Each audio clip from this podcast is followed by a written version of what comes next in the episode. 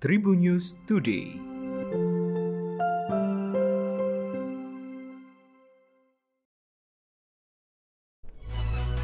Tribun News Today hadir kembali dengan berita terkini bersama saya Delta Gonzales. Kita awali dari kabar regional. Tribuners KPK menjadwalkan pemeriksaan terhadap Kabak Perencanaan Strategis Bank BPD Bali, Idewa Ayurai Widyastuti.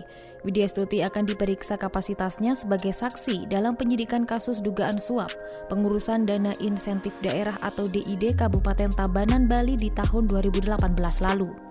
Dikabarkan telah menetapkan tiga orang sebagai tersangka dalam kasus dugaan suap, pengurusan DID Kabupaten Tabanan Bali.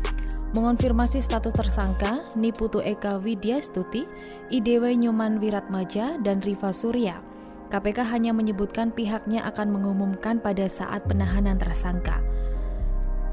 KPK telah mengantongi pihak-pihak yang dijadikan tersangka dalam kasus dugaan suap DID Tabanan. Pengumuman penetapan tersangka akan disampaikan apabila penyidikan telah dinyatakan cukup dan dilakukan upaya paksa baik penangkapan maupun penahanan para tersangka. Kita beralih ke kabar internasional. Komite Penasehat Vaksin Jerman hanya merekomendasikan vaksin COVID-19 Pfizer BioNTech untuk orang berusia di bawah 30 tahun. Itu karena vaksin Pfizer diklaim memiliki risiko terkait jantung yang lebih rendah daripada vaksin Moderna. Melansir oleh CNA, komite yang dikenal sebagai STIKO merekomendasikan agar wanita hamil juga diberikan vaksin Pfizer. Rekomendasi tersebut berdasar pada data keamanan baru dari Institut Paul Enrich, otoritas Jerman yang bertanggung jawab atas vaksin dan data internasional baru. Jerman adalah negara Uni Eropa terbaru yang merekomendasikan pembatasan penggunaan vaksin Moderna pada orang muda.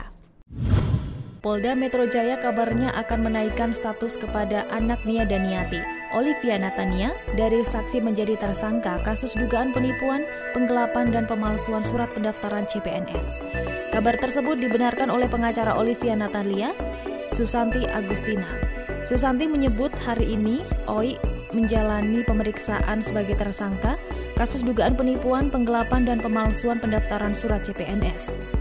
Diberitakan sebelumnya, salah satu korban bernama Karnu melaporkan Oi dan suaminya yakni Rafli Novianto ke Polda Metro Jaya pada 23 September 2021. Korban dari kasus ini disebut telah mencapai 225 orang dengan kerugian ditaksir hingga 9,7 miliar rupiah.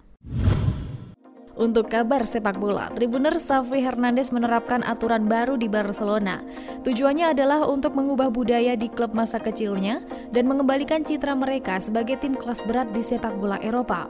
Safi secara resmi diperkenalkan di Camp Nou sebagai penerus Ronald Koeman pada hari Senin 8 November lalu. Ada 10 aturan yang akan diterapkan oleh Safi selama kepelatihannya di Barcelona. Dari 10 aturan itu di antaranya berisi seputar waktu datang latihan harus tepat waktu, dilarang keluyuran tengah malam sebelum pertandingan, tidak ada pemain yang dijadikan anak emas, hingga denda berlipat ganda bagi mereka yang melanggar aturan. Demikian Tribun News Today, tetap update informasi terkini dalam Tribun News Podcast hanya di Spotify. Tribun News Today.